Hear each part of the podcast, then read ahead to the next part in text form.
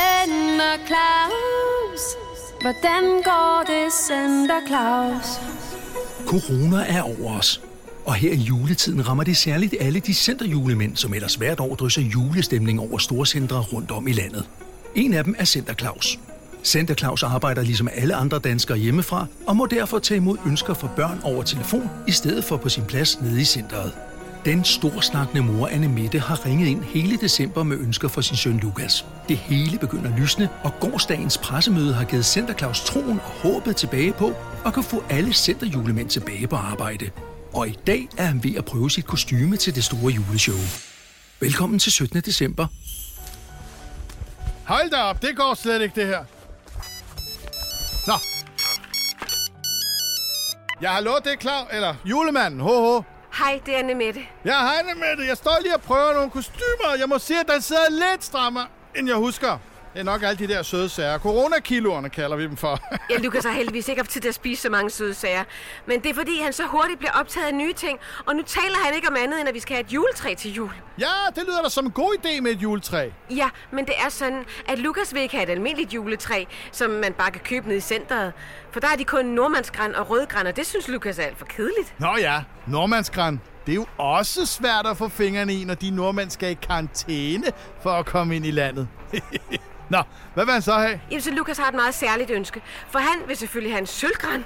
Nå, De er bare helt udsolgt og slet ikke til at få fingrene i så tæt på jul. Mm. Og så har jeg sagt til Lukas, at hvis vi skal have et juletræ, så skal der være en julestjerne på toppen. Ja, ja. Og det vil han ikke høre tale om, for han vil have dødstjernen. du ved, den fra Star Wars. ja, ja, ja.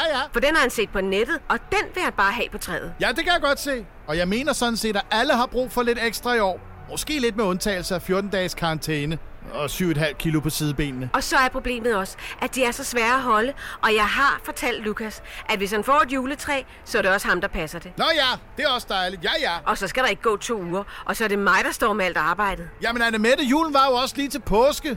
Det skal jo helst kunne holde. Men hvad med, at I tager en tur i skoven og finder lige præcis det træ, som Lukas ønsker sig? Var det ikke noget? Jeg vil slet ikke have Lukas med derud og save. Det er alt for farligt for ham.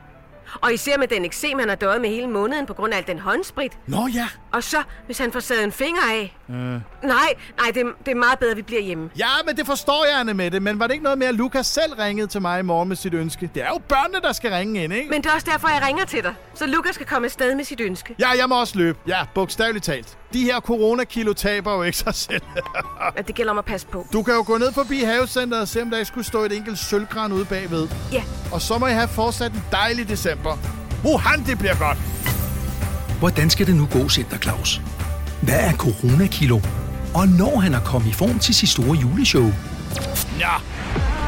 Jeg må hellere komme i gang med træningen inden jul. 1, 2, 3, 4. Hov, der står lige en bøtte med kleiner. Center Claus, den hjemsendte julemand. Sammen med UNICEF bliver alle brug for lidt ekstra i år. Lyt til alle afsnit på Radio Play.